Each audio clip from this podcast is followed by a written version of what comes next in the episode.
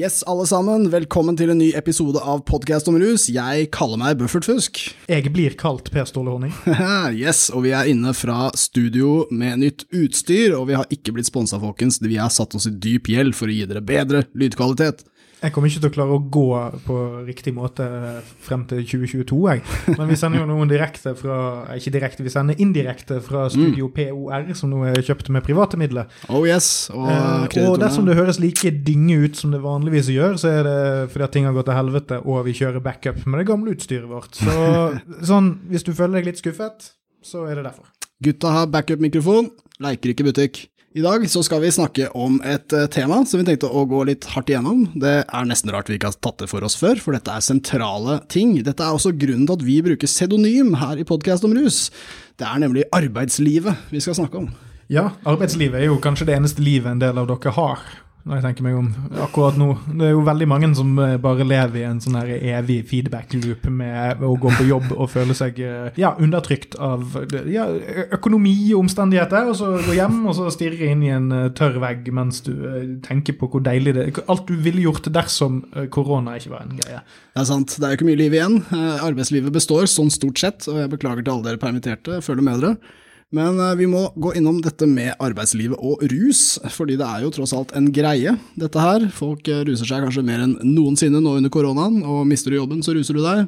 Da blir det litt utafor vårt tema, da. Ja, så det er noen som prøver å ruse seg for å klare å stå i jobb, og så er det noen folk som eh, kanskje får sparken fordi at de ruser seg. Og så kan det hende at disse to gruppene driver og feeder hverandre litt med Ja, At noen kan, noen kan på en måte fistbumpe noen på vei ut mens de er på vei inn, og litt sånt. Ikke sant?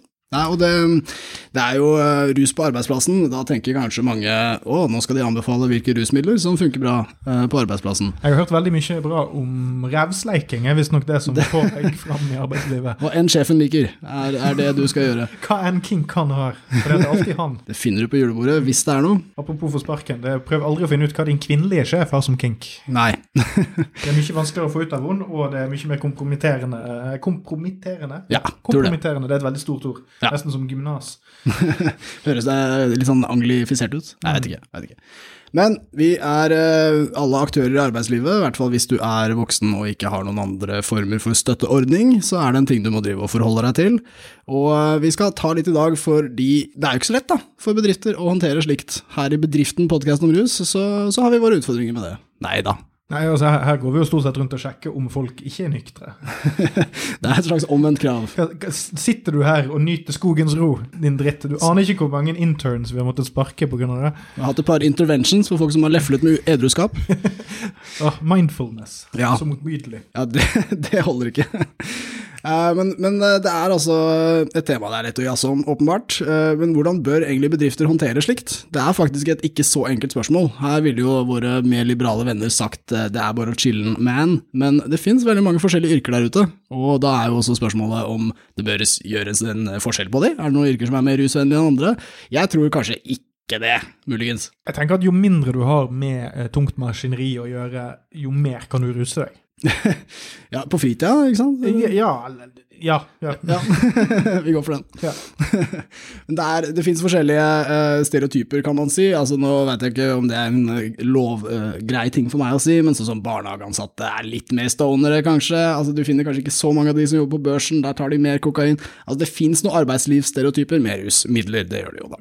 Ja, og alkohol, det er jo det som definitivt hører hjemme på Stortingets talerstol. Ja, der... Som vi har satt ymse, ymse innslag og mm eksempler på. Ja, alle slags sjefer driver mye med det, har jeg inntrykk av. Det er, uh, finnes sikkert noen, uh, noen, tørre sjefer der ute, men det har ikke jeg møtt. Nei, du, det er uh, jammen ikke lett hva, å si hva man hadde gjort, men det kommer kanskje litt an på hva slags bedrift. Uansett så tror jeg vi skal være enige om at det kanskje ikke er sånn megalurt å ruse seg på jobb, uh, men når det kommer til den rusbruken som er utenfor arbeidsplassen, så finnes det jo selvfølgelig en del forskjellige tilnærminger.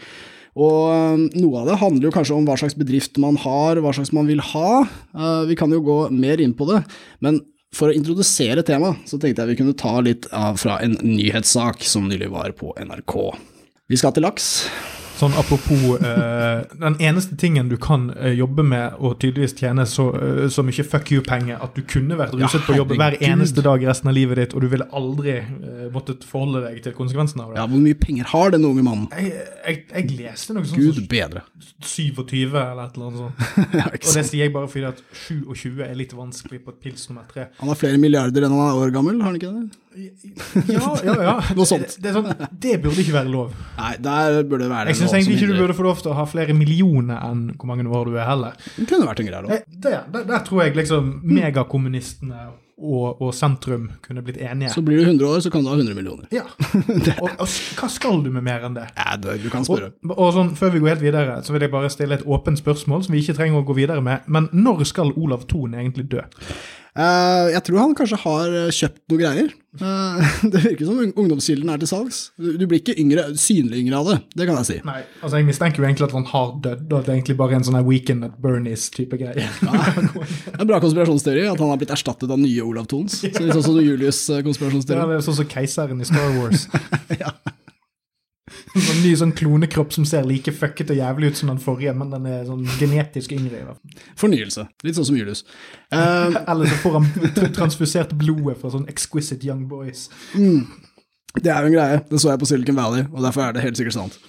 Ja, nei, vi går videre. Laks, folkens. Det er ikke bare cash, det er også masse fisk, og folk som jobber med den fisken. Og de eh, firmaene som jobber med dette, blir ofte omtalt, omtalt som laksegiganter.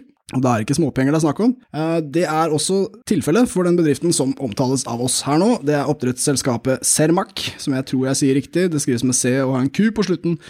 Eh, De er nok Hvorfor er jævlig, egentlig. ja, bare så jeg ikke skal vite hvordan jeg skulle lese det opp. Um, de er klaga inn til Datatilsynet for å ha vært slepphendt med resultater på rustester. Der er det altså to ansatte som også har saksøkt bedriften nå, etter at de er blitt sagt opp for å ikke ha levert hårprøve etter en negativ urintest.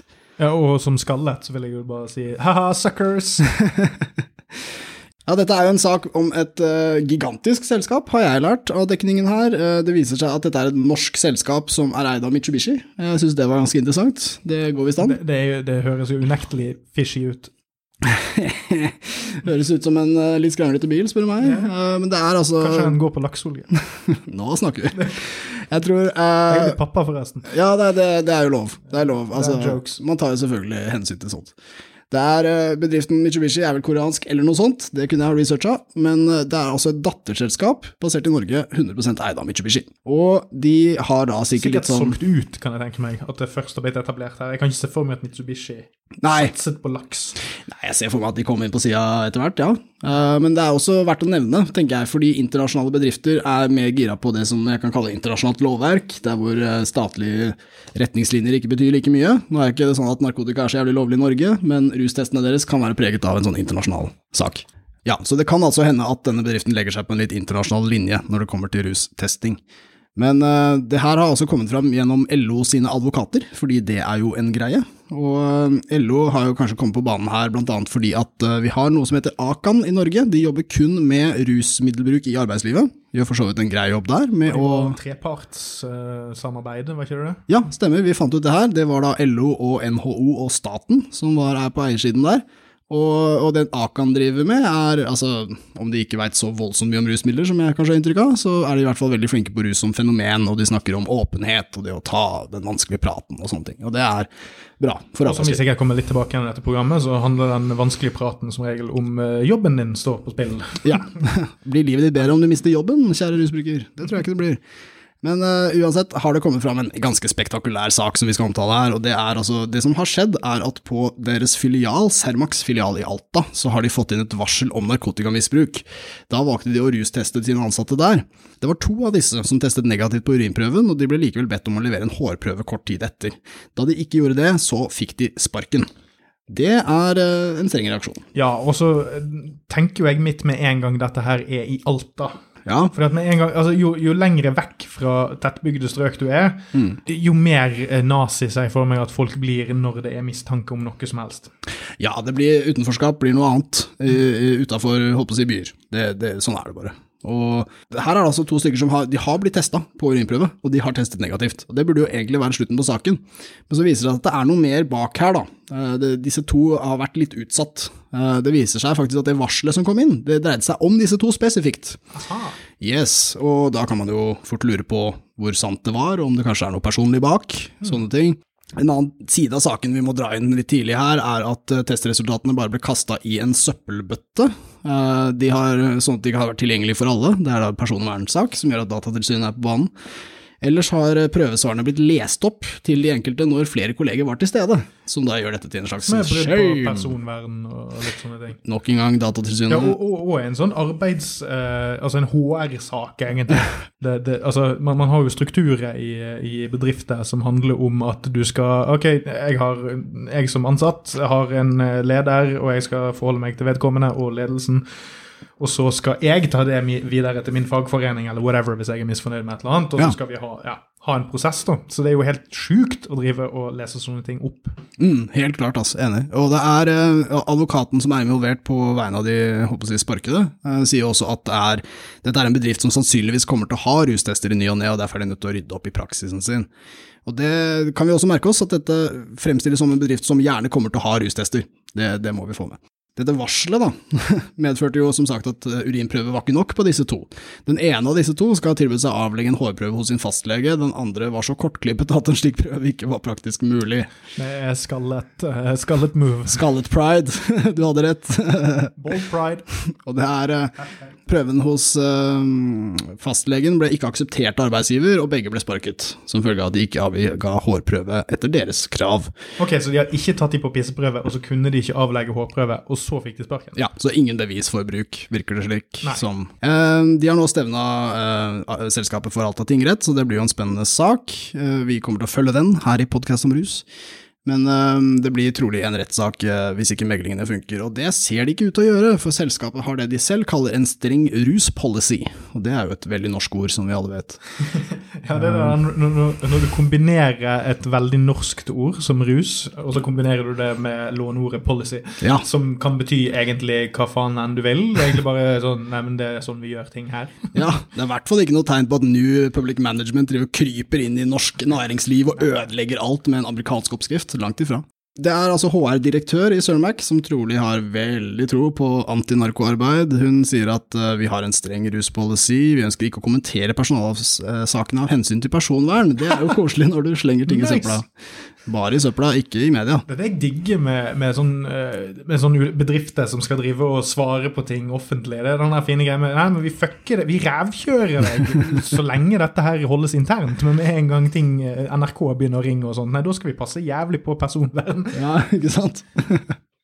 Og her, eh, En annen ting som må merkes her, er argumentasjonen om hvorfor det er en ruspolicy som er streng i bedriften. Fordi, Det er jo fordi at jobben er jo så vanskelig. Det er, ja, Dette må vi merke oss som Av hensyn argument. til laksen, for eksempel. Ja. Altså, laksen skal jo på en måte ha en omsorgsperson som ikke misbruker det. Hva er vel vanskeligere og nyttigere for samfunnet? Havbruksnæringen, den siterer jeg altså HR-direktør, eh, havbruksnæringen er et utrolig krevende yrke, man skal håndtere kraner og båter og ha ansvaret for mange andre mennesker på en lokalitet i tillegg, derfor er vi veldig strenge når det gjelder på ruspolicy. Men det er jo helt kurant, det. Så Ja. fremt du har en konkret mistanke om bruk på jobb. Mm. Det er jo greit. Jeg avslutter bare med å si, uh, sitere Datatilsynet her. Uh, vi forstår at de ansatte i slike saker er opptatt av at regelverket følges. Det oppleves jo ofte som et inngripende tiltak å måtte avgi en rustest til arbeidsgiver. Og det tror jeg på, ass. Uh, og her kommer vi til en problemstilling vi kan gå på med en gang, og det er hva slags forhold skal man ha til arbeidsgiveren sin? Og hva Yes. slags forhold vil arbeidsgiver ha til deg? Det er to ting som man kan tenke på her. Det ene er hvor sterk var mistanken i utgangspunktet her? Sånn i denne konkrete saken. Mm. Ja. Det, det kan vi ta som en sånn konkret talking point.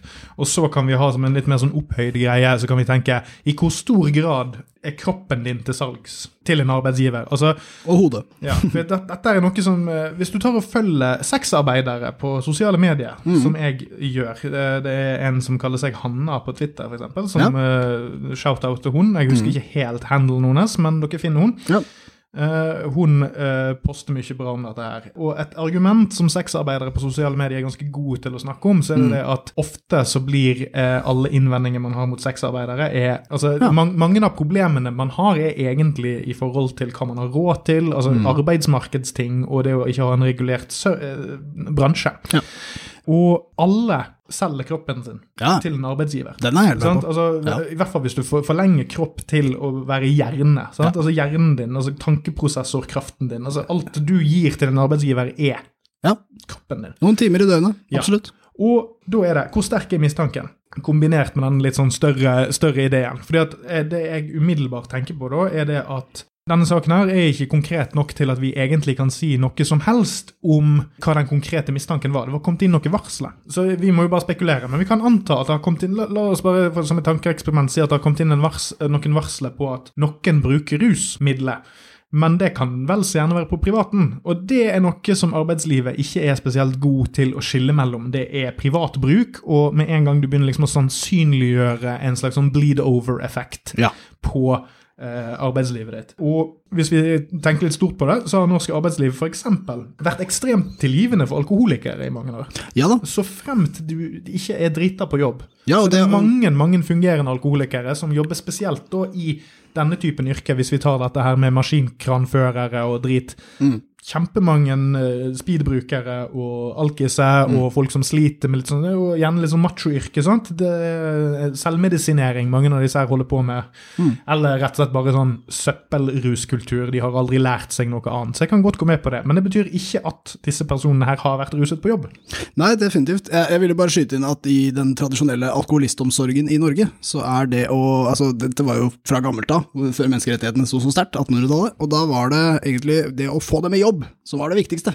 Altså, hvordan få disse folka til å drikke såpass lite en periode at de kan jobbe den perioden. Og mye av eh, rusforståelsen i arbeidslivet kommer jo trolig derfra. Alkohol er jo fortsatt kongen av, av eh, markedet, kan du si.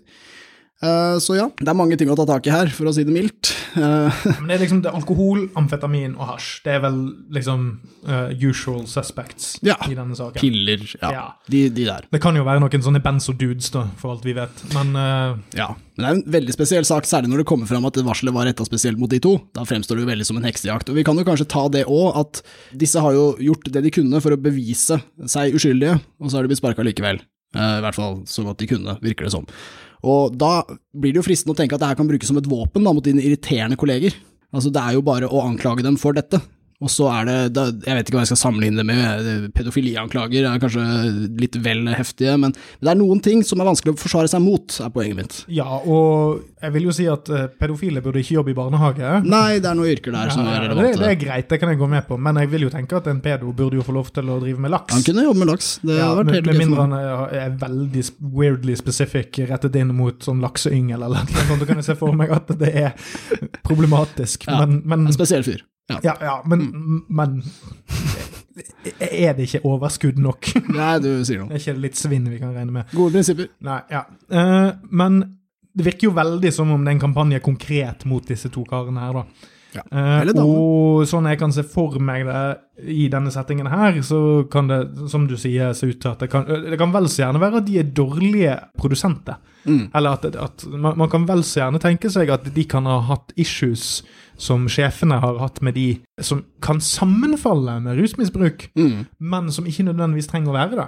Sant? Og sånn som jeg kjenner disse sektorene her, så er det veldig mange settinger der du kan ha en arbeidskonflikt Mm. eller en eller annen slags form for eh, greie gående som ikke trenger å ha noe som helst med rus å gjøre, men at det handler om det sjefene gjerne ville kalt arbeidsmoral, eller litt sånne ting, da. Ja. Definitivt, og det er eh, Jeg føler også et bakteppe her kan være litt at eh, det er vanskelig å sparke folk i Norge. Vi har ganske bra arbeidsvern når man først er arbeidstaker, og eh, det å bryte bedriftens interne regelverk tror jeg duger eh, som oppsigelsesgrunn. Og da er det jo fint å være internasjonal bedrift og ha noen litt spesielle regler som ikke alle har i Norge og sånn, men, eh, men vi, vi bør kanskje også gå inn på altså, hva slags uh, Hvis du driver en bedrift, da, hvordan burde du håndtere det her? Uh, Hva slags forhold vil du ha til dine ansatte? Jeg regner med at det varierer litt ut fra bransje og tradisjoner og hvem du er som sjef og alt mulig. Noen vil jo at du skal bli, invitere sjefen i bryllupet ditt, andre vil jo knapt I Asia snakke spesielt. ja, ikke sant? Andre vil jo knapt snakke med deg på julebordet. Så det er, det er veldig stor variasjon. Uh, Og igjen, igjen, kanskje bransjer har noe å si, kanskje generasjoner, men, men det fremstår ekstremt fiendtlig å, an, både anklage og ikke minst teste sine ansatte for dette. Fordi rus på jobb, hvis du er rusa på jobb, så burde du få sparken med en gang.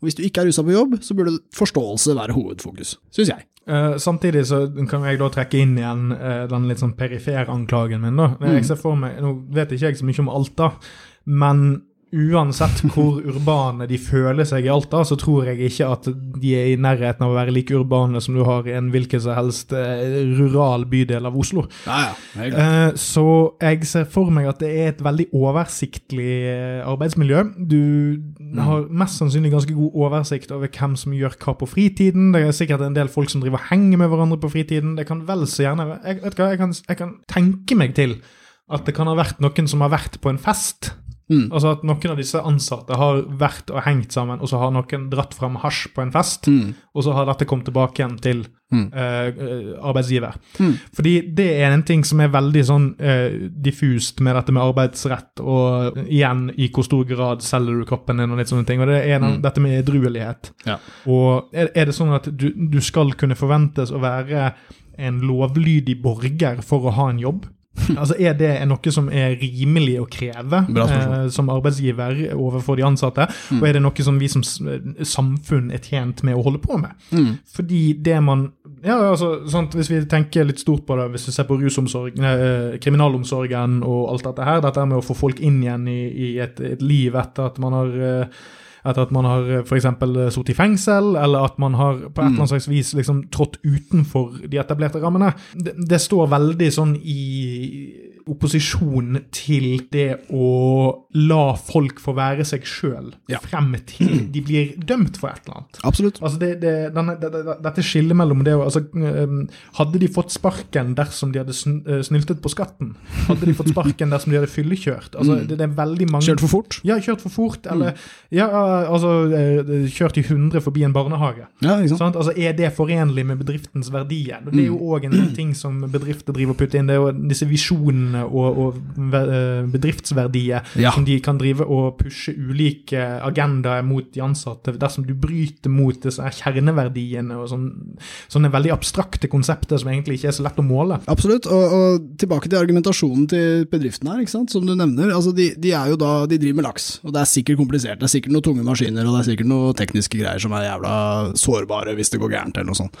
Eh, men greia, eh, da, bruker man argumentet denne jobben er så vanskelig at vi kan ikke ha sånne rusfolk her. Men hvis du da hadde jobbet i en barnehage eller noe sånt, så ville jo de brukt en annen argumentasjon. De ville jo sagt at eh, ja, men her er det et omsorgsyrke, og det er ikke forenlig av den grunn. Så det finnes jo, for hver bransje du har, så vil det jo finnes en eller annen form for unnskyldning for å banne de der rusfolka. Fordi du spiller jo uansett på en sosial norm i samfunnet, om at de folka er ikke til å stole på, de folka stjeler, de folka er ustabile, møter ikke opp. Det er en hel pakke der. Eh, så, så, egentlig så handler jo det her litt om at man skyver folk ut i kulda, og som du nevner med kriminalitet. altså Jeg veit om folk som har blitt uh, tatt av politiet for graffiti, og så har de blitt, vært dumme nok til å si hvor de jobber, og så har de fått sparken. En jobba som lærer. Altså, burde du sparke en fyr fordi han maler graffiti på kvelden? Er han en dårlig lærer?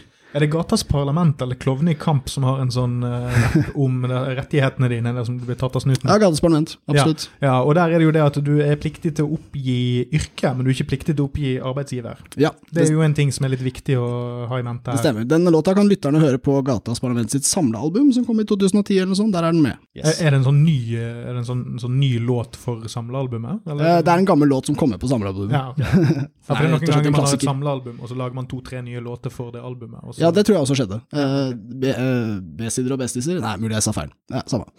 Uh, vi har i hvert fall rettigheter, folkens, som Gatas Parlament minner oss på. Og de, det finnes mange ulike former for rettigheter. En av dem er menneskerettighetene. De henger nemlig over den norske loven, faktisk, men er også noe vage, i den forstand at de er retningslinjer mer enn noe annet.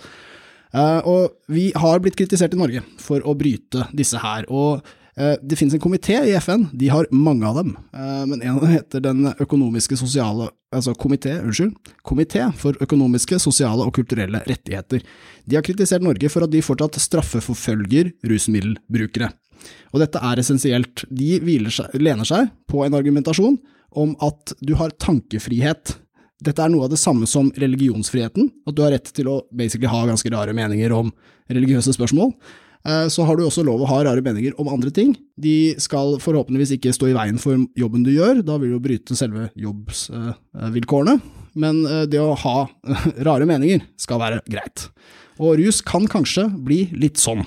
Ja, for det er jo det som er litt sånn morsomt med eh, religionsfrihetsprinsippet. fordi at, Jeg vet ikke med lytteren, men eh, vi her i redaksjonen har eh, en ganske sånn lang eh, tradisjon oss imellom, i hvert fall med det med å engasjere oss litt i, i religiøse spørsmål. Og det som er litt Ja. interessant med det, er det at religiøse spørsmål er eh, Hvis du ser litt stort på det, så er religiøse spørsmål egentlig menneskerettighetsspørsmål. Ja visst. Som er grunnen til at det er veldig lett å, altså Vi har fått etablert religiø, religiøs frihet i veldig mange land. fordi at det er tradisjonelt sett en av de, de største minoritetsgruppesakene man kan ha. Ja. Og så kommer homofiles rettigheter og alle sånne, sånne mikrorettighetssaker litt sånn i skyggen av dette her, men sånn sakte, men sikkert som sekulariteten har bredt om seg, så har ja, transrettigheter og alt dette her er jo veldig dagsaktuelt. Det er sant. Men, og som i denne podkasten her, så har jo vi ofte pushet dette her med rus som nettopp et element der. Ja, og det mener vi. Ja, Eh, ja at, at du skal ha retten til å ha lovstridige meninger, og kanskje til og med en lovstridig eh, livsstil, Ja. så fremt du kan plausibelt argumentere for at dette her ikke er skadelig for andre enn deg sjøl. Ja, og, og tilpasse deg samfunnet, og, og ikke være syk med det, for å si det sånn. Ellers burde samfunnet gripe inn. Men, men jeg er helt enig. Helt Ja, enig. og, og her er jo liksom For at denne taken vår skal på en måte henge på greip, så forutsetter vi at disse personene ikke har vært ruset på jobb. Eller i hvert fall ikke har vært beviselig ruset på jobb. Det er vanskelig å argumentere noe for at det er greit. Ja, sant? Altså Det er helt Helt kurant greit. Var de ruset på jobb, og du startet en prosess mot dem på det grunnlaget, Ja. helt i orden, men her har de ikke sannsynliggjort det. Nei. Her har ikke, uansett, altså Selv hvis det var tilfellet, så har ikke bedriften eh, oppført seg på en måte som gjør at det er ålreit. Altså, med, med dette her at disse testprøvene har blitt kastet i, i, i, i søppelet, sånn at folk kan plukke det opp og lese det, og det at uh, testresultatene har blitt lest opp foran andre ansatte. Det er sånne grove brudd at hvis du hadde et rusproblem på jobb, så burde du faen meg få en ekstra sjanse bare fordi at sjefene ikke har klart å gjøre dette her på en god nok måte. De har ikke prosessen ikke på plass. Absolutt. Så de, altså, de burde uansett fått en sånn 'nå var dere heldige' én gang til, så det rett ut. Ja, hva, skal til for å få en advarsel, egentlig? Ja, ja, det er litt det. Vi, vi har jo vært innom det med, med ungdomskontrakter og andre ting. Altså, eh, dette med urinprøver, det, det kan jo fremstå som en, eh, en, en bagatell veldig ofte eh, i testing, fordi det ofte er den første linjen av testing. Nå lurer vi, nå tester vi urinen. Men eh, som nevnt med ungdom, hvor det særlig er et godt poeng, eh, så er det en ganske inngripende form for kontroll. Og eh, jeg personlig ville følt jeg strakk meg ganske langt hvis jeg lot min arbeidsgiver analysere kroppsvæsken min for å se om jeg snakket sant til arbeidsgiveren. Det er jo ikke politiet heller. Hvor setter vi stopper for eh, kroppsvæske? For Ja, det, er- det, urin er visst greit. Urin er greit, eh, også i, i mer slivnet forstand hår, virker det som. Men Ja, tydeligvis de vil ha det òg, ja. Det vil de. ja, altså På et tidspunkt så ville jo kanskje enkelte arbeidsgivere kanskje hatt lyst til å analysere sædprøve, bare for å se om du er en viable breeding Skrape litt hud, måle hodeskallen din, kanskje. Ja, ja, ja altså, vi, her ansatte vi bare langpanne. Ingen jævla snauskalle. Ko- kortskaller, ja. Frenologiprinsippet som kommer inn gjennom Mitsubishi sine hovedretningslinjer fra Asia. Hey, fun fact, nå skal ikke jeg rette noen ekstrem anklage mot Korea, eller hvor enn Mitsubishi kommer fra, siden vi ikke har sjekket det ut på forhånd, men det er faktisk i Japan fremdeles ganske vanlig, og i hvert fall var det ganske vanlig inntil for ganske nylig, eh, å legge ved blodtype. Å, ja. eh, På søknader og altså på bare sånn offentlig informasjon. Yes. Det kan du faktisk sjekke ut. Eh, hvis, det noen, eh, hvis det er noen som er fans av ymse sånn japanske dataspillserier, dataspillserier, som f.eks. Street Fighter, Mm. så kan du gå inn på de dataspillene der, og så kan du finne sånne her personal stats cards for Yes. de ulike fighterne og sånn, og der vil ofte blodtypen være med. Wow. Som Blanka uh, i Street Fighter 2. Uh, fra Ja. Brasil, uh, har Sump. elektriske superkrefter, blodtype null. Ja, ikke sant. Der sånt. har vi det. Sumpmonster med elektriske krefter. Det er klart han har vanlig menneskeblod. Ja, det er veldig viktig for oss, og det, er litt sånn knyttet opp mot sånn stjernetegn. og sånne weird, altså sånn at, at Ah. det sier noe om personlighetstypen din at du har en riktig blodtype. Fantastisk. Og nå er dette bare mine fordommer, fordommer mot Øst-Asia eh, som taler, men for å si det sånn, disse tingene kan altså Jeg bare påpeker det for at det kan være visse kulturelle Ja. ting som noen ganger kan bli feiltolket. Altså, vi, vi lever i et globalisert samfunn, og det er mange ulike former for eh, conundrums vi kan ende opp med å måtte forholde oss til når eh, kineserne tar over, f.eks. Absolutt, når det skjer. Eh, Det er, det er verdt å nevne her også at altså, dette er trolig et sånn internasjonalt policy-regelverk, men eh, de bedriftene som er internasjonale, de er ofte asiatiske, og vi kan jo tenke oss at eh, hvis vi, er, hvis, hvis vi tillater oss selv å si at de er litt restriktive borti Asia med lovverkene sine, så vil det jo ofte være bedrifter fra Asia som vil legge seg på en slik linje. Og for å bare strekke strikken, tøye strikken enda lengre, så kan vi jo òg tenke oss det at altså, Øst-Asia har jo ganske sinnssyke ruspolicyer som Vesten har vært med å Ja. pushe. De beste på dødsstraff når det kommer til rus, for Ja, eksempel. Filippinene og i Kina er det jo helt sinnssvake regler, og jeg nekter å tro at japanerne er spesielt eh, chille, og koreanerne er jo òg ganske sånn her salutterende saluterende til sine arbeidsgivere òg, det ser man litt på fødselsstatistikkene deres og litt sånne ting. Så det, dette er, altså uavhengig av hvor mye vi skal på en måte klandre våre fremtidige asiatiske overlords for dette her, akkurat nå så er det en ting som er litt sånn verdt å ta, ta med seg, da. Definitivt. Og, og uh, igjen, vi, vi har kanskje litt ulikt forhold rent kulturelt til dette med straff. Uh, det er jo faktisk det som FN kritiserer oss for også, det er at vi straffeforfølger rusmiddelbrukere. Det finnes nemlig mange måter å håndtere at folk bruker rus, og straff er bare en av dem. Men det å få sparken er straff. Det er definitivt en veldig hard sanksjon, og, og samfunnsmessig så må vi kunne se på disse bedriftene og si at hvis en person i vårt samfunn, hvis vi er et fellesskap, har et rusproblem, så er det å, å ta jobben fra den vedkommende er ikke et bra grep hvis du ønsker å hjelpe den personen, eller Nei. samfunnet rundt. Hvorfor er ikke alternativet her en eller annen sånn, uh, sånn administrative leave? Altså, en, en eller annen sånn, sånn, altså at de permitteres i en måneds tid, og så, får, og, så, og så starter vi på nytt. Ja. Hvorfor, hvorfor er svaret sparken? Restriktivt. Ja, ja, altså, altså, og jeg sier, altså Permittering ville jo òg igjen vært grovt, på sitt vis, men det ville vært mindre grovt enn å sparke. Helt klart. Ta, ta fuckings Dirty Harry-approachen, altså at du er suspended. Altså, du, du bare, nå har du tråkket over grensen, Callahan. Sant? Nå er det ut uten lønn så og så lenge. Og så må du være en helt vanlig fyr som ikke kan skyte folk i trynet all willy-nilly. Men, men at, at sant? Sammen med, med det jeg ser for meg er Ante og Svante oppe i Alta. er òg sånn Nei, nå får ikke dere lov til å, til å, til å sløye laks i noen uker. Ja, det er mye skarpe kniver der. sort your shit out. Det er liksom Hvorfor går vi til sparken? Ja, Som igjen styrker mistanken vår om at dette handler om litt andre ting enn bare jobb. Ja, og disse, disse to gjorde det de kunne, føler jeg. Og når det kommer til arbeidslivet og arbeidsgivere og deres forhold til det hele, så er det en som peker seg litt ut. Det er en episode med alles kjente Elon Musk, eh, vår favoritt når det kommer til bedriftsledere globalt. På Joe Rogan-podkast, som Ikke er minst, eh, universets største podkast. Ja, og eh, en podkast som Jeg skal ikke si den ligner på vår, men den er i hvert fall litt sånn rowdy, og det ser ut til å være en greie folk liker.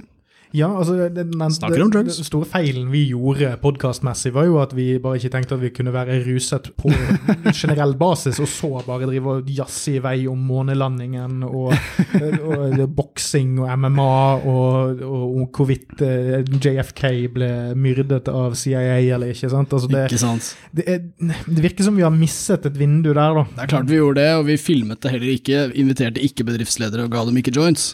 Nei, og, og vi har heller ikke fått liksom statsledere til å møte opp, eller Stadig ikke. Eh, men eh, Elon Musk røyka en joint på Joe Rogan Podcast, som også ble filma, og dette var et episode der det også ble mye omtalt om det var en joint eller ikke. Det er helt åpenbart snakk om en joint. Og det er litt tilbake igjen i tid, da, så det er jo ikke sånn dagsaktuelt, men det er veldig aktuelt for det vi snakker om nå. Nei, det var nok 2018 dette her, og uh, uansett uh, så, så det ble også diskutert, er det lovlig? Noe jeg synes er interessant, fordi poenget mitt her er at Tesla er en av mange bedrifter som også tester sine ansatte for rusbruk, og der er weed med på lista, altså cannabis, og hvis de har eh, benyttet seg av dette, så kan de altså få sparken, og trolig vil de også få det. Uh, har sjekka litt på det, det viser seg at Tesla uh, tester de de, de de, ansetter direkte, men ikke de som er ansatt via vikarbyrå. Da, så det, det, er litt forskjeller der, men symbolsk interessant at uh, Elon Musk rett og slett tør å røyke weed foran kamera i en bedrift som har det mot retningslinjene. Ja, og det, altså, sånn, For å ta det litt sånn videre enn det, når vi først var innom at LO var involvert i den saken vi hadde som nummer én, så er jo det at Musk og hans gjeng er jo veldig, veldig anti-fagforening. Ja, men det er bra poeng, siden altså, LO forsvarer de andre her. Ja, ja, og, og, sånn sett, du kan si hva faen du vil om LO i norsk kontekst, men det at de helt, så å si ukritisk, men bare prinsipielt er koblet inn som en part i saken her, er jo fantastisk. sant?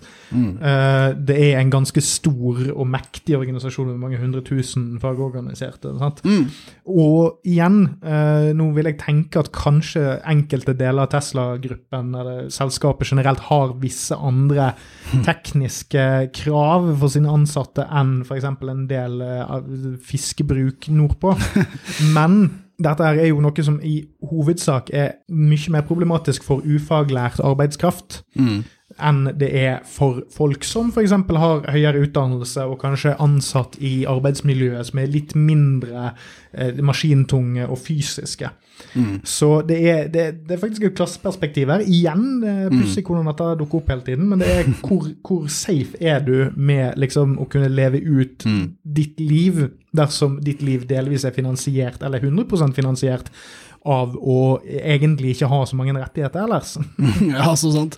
Klasseperspektivet må med her. Altså, Vanlige ansatte kan ikke røyke weed på Joe Rogan podcast, blir kanskje ikke invitert heller, men det kan en CEO gjøre. Mm. Og Jeg tror kanskje dette er litt bedre i Norge, og grunnen til at jeg sier det er fordi at uh, norske bedrifter ikke sånn generelt har vært veldig ivrige på det. Vi er jo ganske restriktive på rus i Norge, men når det kommer til villigheten til å teste sine ansatte, villigheten til å putte det inn i retningslinjer, så har ikke norske bedrifter vært de mest ivrige. Dette skjer vel kanskje mest i de internasjonale type bedriftene, så det kommer ikke fra Norge, det kommer fra utlandet og til oss. Nå sier jeg ikke at det ikke fins i norsk arbeidsliv, jeg tror bare at eh, det er en litt mer subtil approach, tror jeg. Jeg tror det i norsk arbeidsliv hovedsakelig forekommer, sånn som uh, det første eksempelet vårt. Når det kommer til Tesla, så var det vel det at de kommenterte jo først Rogan sjøl kommenterte vel kommer dette til å være bra for, for aksjeprisene deres. Uh, og så fniste herr Musketing, magiske Musketing, litt, og så, så, tok han seg noen trekk. Og så styrtet jo Tesla-aksjen rett etter det, ja. egentlig. Og så har den vel kommet seg etter hvert, og så har det vært litt sånn av og på, og litt sånn med Musk sin rolle i selskapet. Og han har jo hatt en del andre mildt sagt pussige utfall i ymse sosiale medier og sånt, mot uh, f.eks. Eh, grottereddere og litt andre folk. Ja, det har nok mye med han å gjøre, men, men du blir ikke rik av å røyke weed på podkast, det, det kan vi si. Nei, med mindre du er sånn Dave Chappelle. Ja, Kanskje han kunne gått litt opp i pris. Men det er jo litt interessant, fordi at alle, alle disse eh, kulturpersonlighetene som Rogan har på podkasten sin, de eh, kan jo imbibe så mye de vil. Mm. Eh, egentlig uten at det går utover. Men det, det, er igjen dette med branding og sånt. Hvor mye er du din egen brand, og hvor mye er du en representant for en brand? Ja. Og sånn i forhold til uh, eksempel nummer én, så tror jeg det er et Altså det første vi snakket om, uh, om den laksebedriften, så tror jeg at det er en del bedrifter som ikke helt har en veldig koherent forståelse eller policy, da, om du har lyst til å kalle det det, på når er det du slutter å være en privatperson, og når er det du begynner å bli en representant for en bedrift? Bedrift, og, når, og, hvor rimelig er det at du er en representant for en bedrift på privaten? Skal du være en 100% ålreit samfunnsborger bare for å kunne tjene til livets opphold? Ja, og da, da, da, kommer det inn med ulike yrker med en gang. Noen yrker mer enn andre. Eh, fabrikkarbeider trenger ikke å jobbe eller være i den rollen hele døgnet så mye som en politibetjent trenger å være, f.eks. Og sjøl jeg vil jo si at jeg håper jo at politibetjente ikke har et spesielt store rus, ja, rusliv generelt, egentlig. Og det, det, ja. det har ikke så veldig mye med at jeg ikke tror at en politibetjent kan røyke hasj på kveldene og så være en god politimann, men det er det at det går veldig på akkord med mm. veldig mye av det han skal gjøre. Så jeg ville faktisk ikke vært like kritisk dersom det er en politimann som får sparken for hasjbruk. Eh, samme her, det, men det er et veldig spesielt yrke, og det, det betegnes også slik at er, du skal holdes til en høyere moralsk standard enn det øvrige samfunnet. Og, ja, og det, det, sier ikke hvor høy, det sier bare høyere. Ja, og jeg kan, jeg kan, jeg kan gå med på det ja, i, i visse settinger. Ja. Jeg er 100 for at hvis det er en mistanke på en arbeidsplass om rusbruk, så burde det kunne tas opp med vedkommende. Det burde kunne eh, Ja. kjøres en, en personsak på det, og litt oppfølging og sånn. Men problemet er jo at eh, arbeidslivet dessverre er langt mer autoritært enn det resten av samfunnet vårt egentlig er. Yes, veldig bra. Veldig bra. Fordi det fins bedrifter som er koseligere med sine ansatte enn andre også, ikke sant. Og noen av dem eh, har stort gjennomtrekk i bedriften, og da kommer ufaglært kompetanse inn på banen, ikke sant. De er lettere å erstatte. Eh, Så enkelte bedrifter vil kunne være hardere med sine ansatte innenfor dette klasseperspektivet, hvis det er lettere å erstatte de arbeiderne. Og da blir det også lettere i den bedriften å ha et eh, mindre personlig forhold til sine ansatte. Hvis dette er en liten eh, husflidbutikk med syv ansatte, så blir det noe veldig annet, ikke sant. Så, så vi, vi, må, vi må ikke glemme klasseperspektivet. Jeg føler det går igjen her hele tiden. Hvem blir rammet av dette her? Det er de folka som er lettest å erstatte, hver eneste gang. Russaken generelt ser ut til å merkelig nok være veldig klasseorientert. Helt klart. Jeg har, jeg har gjentatt dette ganske mange ganger, men det er litt interessant hvordan vi startet opp denne podkasten her i 2014. Og i- bunn og grunn startet med et mye mer hva skal jeg si, universelt menneskesyn, og var kanskje litt mer sånn uh, happy-go-lucky-orientert.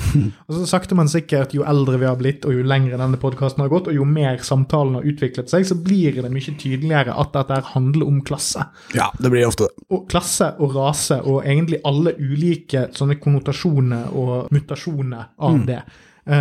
Og du trenger faktisk ikke å være sosialist for at disse tingene her skal henge på grep. Eh, Du kan faktisk være en hva du skal si, tradisjonell konservativ person, og eh, altså med, med alle de økonomiske konsekvensene det medfører å ha det synet. Så kan du òg se på disse tingene her og tenke at dette handler om personlig frihet. og Ja. dette handler om, om din rett til å være et menneske som ikke skal styres av utelukkende materielle ting.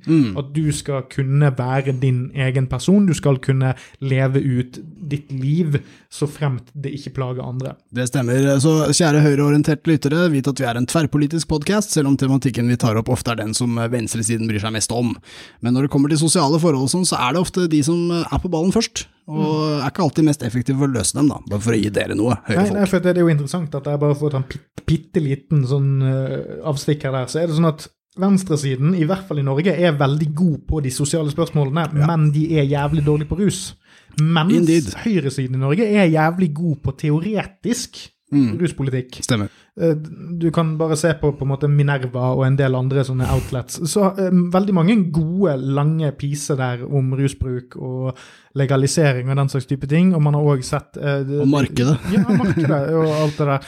Men det beste er nok ikke i midten, vil jeg si. Men det beste ville vært en blanding av de beste elementene fra de argumentene der, vil jeg sagt. Absolutt. Absolutt. Um, det er mange typer folk som kan bli rammet òg, bare for å ha det med. Altså, uh, vi, jeg har tenkt på folk som er på medisiner. Uh, det er jo en ting som kan få deg til å se litt rar ut, kan få deg til å ha visse, se ut som du har visse diagnoser, eller visse rusvaner. Eh, Så det kan tas med. Jeg vil også nevne dette med folk som eh, mikrodoserer, bare fordi det er en psykedelika-greie, som vi også har vært innom. Noen folk eh, tar bitte, bitte litt LSD eller sopp og sånne ting, sånn at de ikke skal bli ruset av den dosen, men for å da utforske eller bearbeide eh, minner og traumer og alt mulig av opplevelser. Og eh, de menneskene kan av og til ha en tendens til å bomme på doseringa, og da har du et problem, for da er du faktisk rusa på jobb. Men eh, jeg vil jo si til folk som mikrodoserer at de leker litt med ilden med en gang dette er snakk om arbeidstid, så pass på. Ja, for det, dette kan fort bli et litt sånt uh, ikke gå slutty kledd-type argument. Sant? Ja.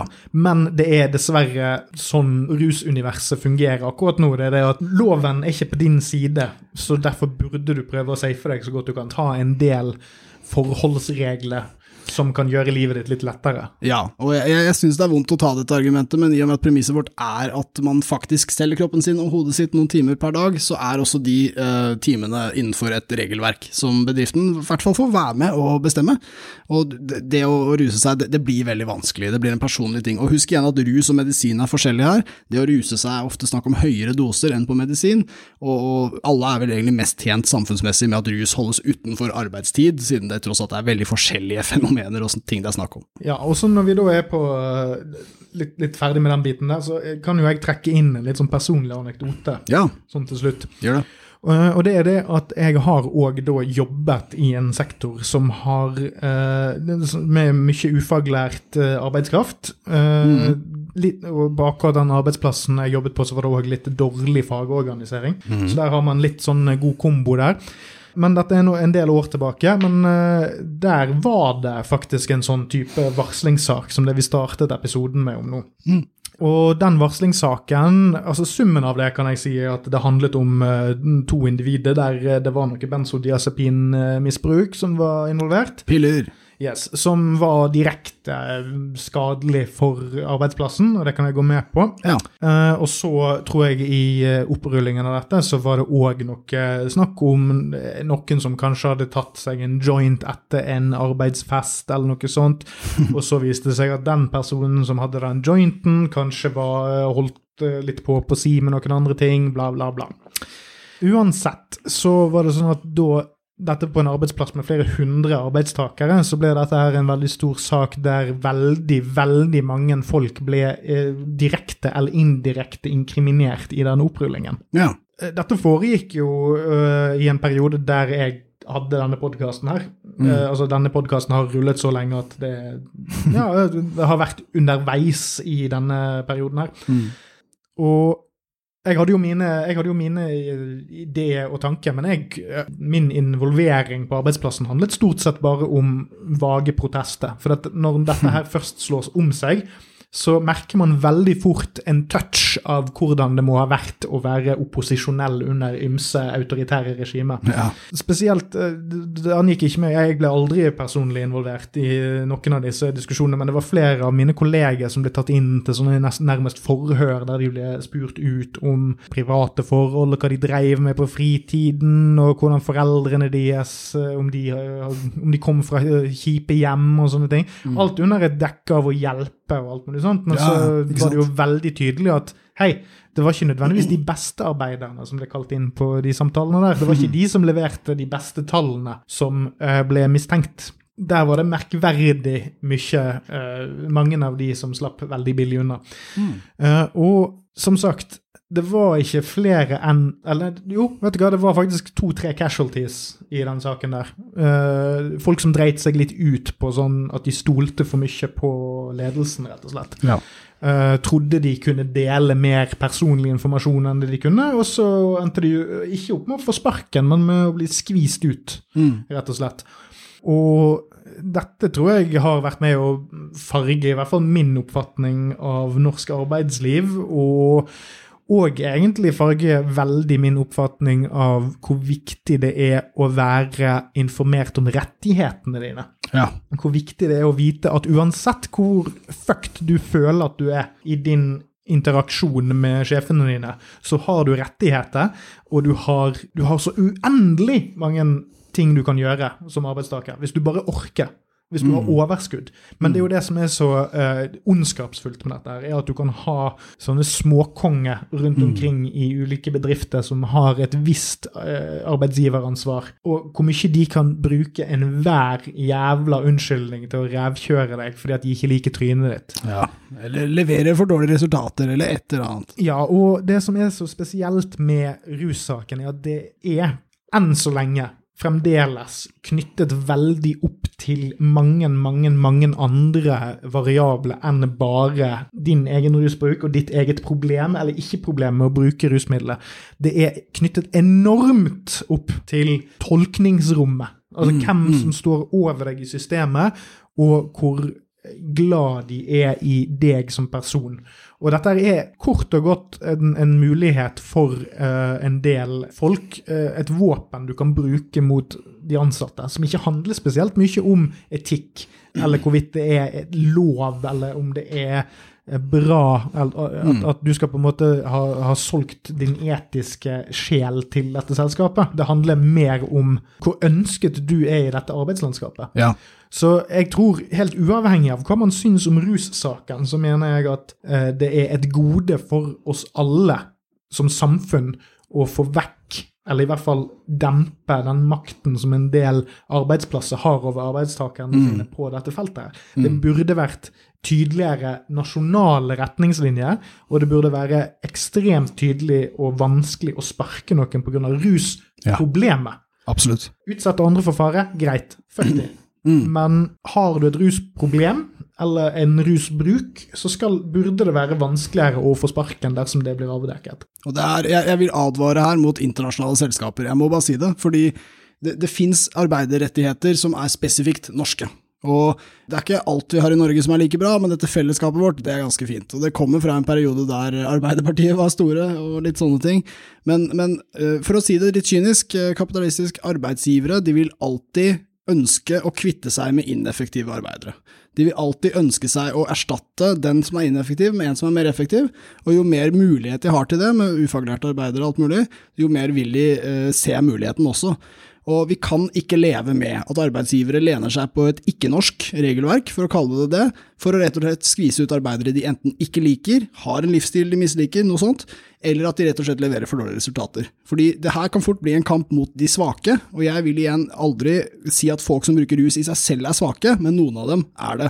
Og hvis en person er svak som jobber i en bedrift, så skjønner jeg at bedriften kanskje ikke anser det som deres ansvar å, å gjøre, den bedrift, uh, unnskyld, å gjøre den ansatte sterk at det på en måte ligger utenfor bedriftens ansvar, men jeg er uenig. Jeg syns rett og slett det er bedriftens ansvar. En bedrift har et samfunnsansvar, og da går det på de menneskene som jobber der. Og det går også på å betale skatt og sånne ting, men det er egentlig bare de to. Gi spenn tilbake til samfunnet for penga du tjener, og bry deg om de som tjener pengene for deg. Det er ikke så veldig mye mer du trenger å bry deg om som bedrift. Det burde vi kunne stille krav om som samfunn. Ja, og, og, det du sier med, med, med svake mennesker, som Gry Jannicke Jarlum sier så fint om eh, De drikker! Ja. Men, men altså, altså, bare fordi du er svak, så betyr jo ikke det at du fortjener å bli eh, tråkket på. Mm. Sånn, altså, la oss si at den aller svakeste rusbrukeren faktisk er en person som er ruset på jobb.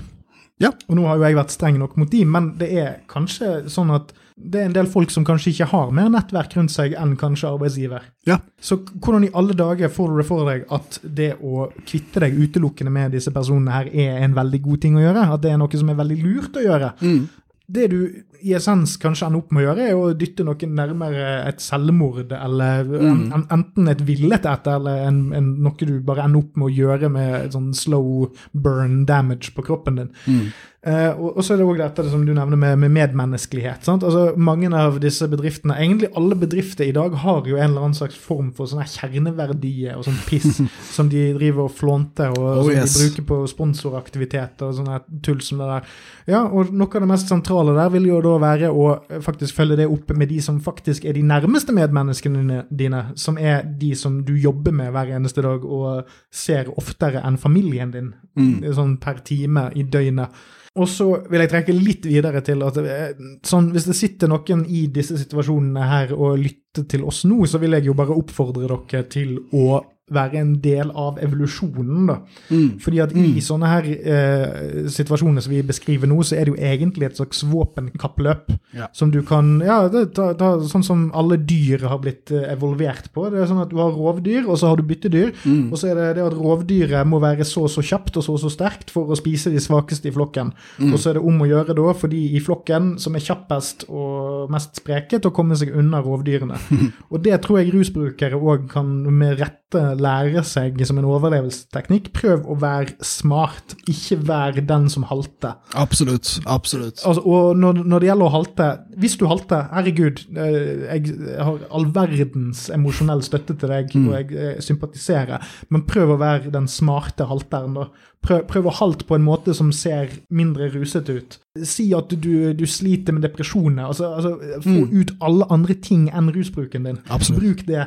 Vær smartere. Ikke gjør det på jobb. Altså Unngå alle disse her lette fellene å falle i. Mm. Ikke gi dem den unnskyldningen. Ja, absolutt. Og jeg må si, hvis jeg skal komme med noe råd, så er det også vit hvilken bedrift du jobber for. Altså, det er veldig stor forskjell på dette her. Som sagt så kommer de fra både bransje og kultur og generasjon og alt mulig. Men hvis du um, skal, skal, fortelle bedriften om ditt personlige liv, som da involverer også rusbruk, så vit hvem du snakker til. Altså, er dette en husflidbedrift med syv ansatte, som jeg hadde som eksempel i stad, eller er det et multiinternasjonalt konsern som erstatter arbeidere? Kjempelett. Ikke sant? Fordi sjansen for at de bryr seg om deg, er mye mindre. Og det er, det er fair, ikke sant? Altså, det er bare sånn modellen er. Men, men, når du skal være ærlig om noe personlig, så vit at det er mer relevant for hun som driver husflidbutikken på sju personer. Hun bryr seg trolig, han for all del Eller, eller hun. Det er som regel, ja, det er, det er som regel hun. Ok, da. Eh, sjansen for at sjefen bryr seg er mye høyere der, fordi det er en tettere bedrift, og da blir det mye lettere å bruke eh, sosialt rause sanksjoner, for å kalle dem det. Men, men vit hvilken bedrift du jobber for, vit hvor mye du burde gi dem av ditt personlige liv, av ditt personlige sannhet om hvem du er, fordi det er ikke sikkert de egentlig bryr seg, det kan hende de later som de bryr seg for å bruke denne informasjonen for å sparke deg. Og der, kjære lytter, jeg håper noen av dere som hører på denne episoden faktisk klikka på den fordi det sto noe med arbeidsliv, og du tenkte shit, jeg må jo faen meg høre om dette her, for min bedrift driver jo faktisk og tyner meg litt grann fordi jeg har litt rare klær eller noe sånt.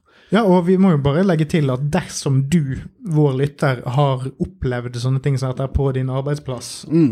eller relatert tematikk, Ja. så er det jo bare å ta kontakt med oss på Twitter og nevne det. På mail podcastomrus.gmail.com, gjerne send inn til oss. Vi kan godt anonymisere og alt mulig sånt. Vi, altså, har du lyst til at vi skal snakke om din greie? Altså, det kan være hva som helst, egentlig. Vi er veldig interessert i å høre om det, i hvert fall.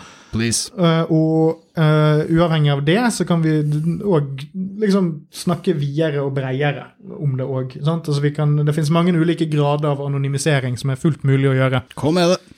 Så avslutningsvis, kjære lytter, så må vi rett og slett ønske dere alle sammen en god jul. Det blir ikke flere podcaster før jul, dere må gi oss litt fri, folkens. Men jeg håper du får en fin julefeiring og nyter masse bra podcast om rus på nyåret, for det kommer. Ja, Vi kommer tilbake sterkere og hardere og mer regelmessig, som vi alltid driver og lover når ting går bra. Men nå har vi Altså, vi, jeg har så mye gjeld for dette podkastutstyret at eh, vi har ikke råd til annet, omtrent. Ikke sant, vi må få inn noe bread, om Ja. det så er lyttertall. Det, det verste er jo at kreditorene mine faktisk krever pisseprøve. Mine krever lyttertall. Det er liksom den perfekte storm med podkast-helvete, det, faktisk. Indeed. Takk for nå, kjære lytter. Kos deg og stay safe. Godt nyttår! Godt nyttår!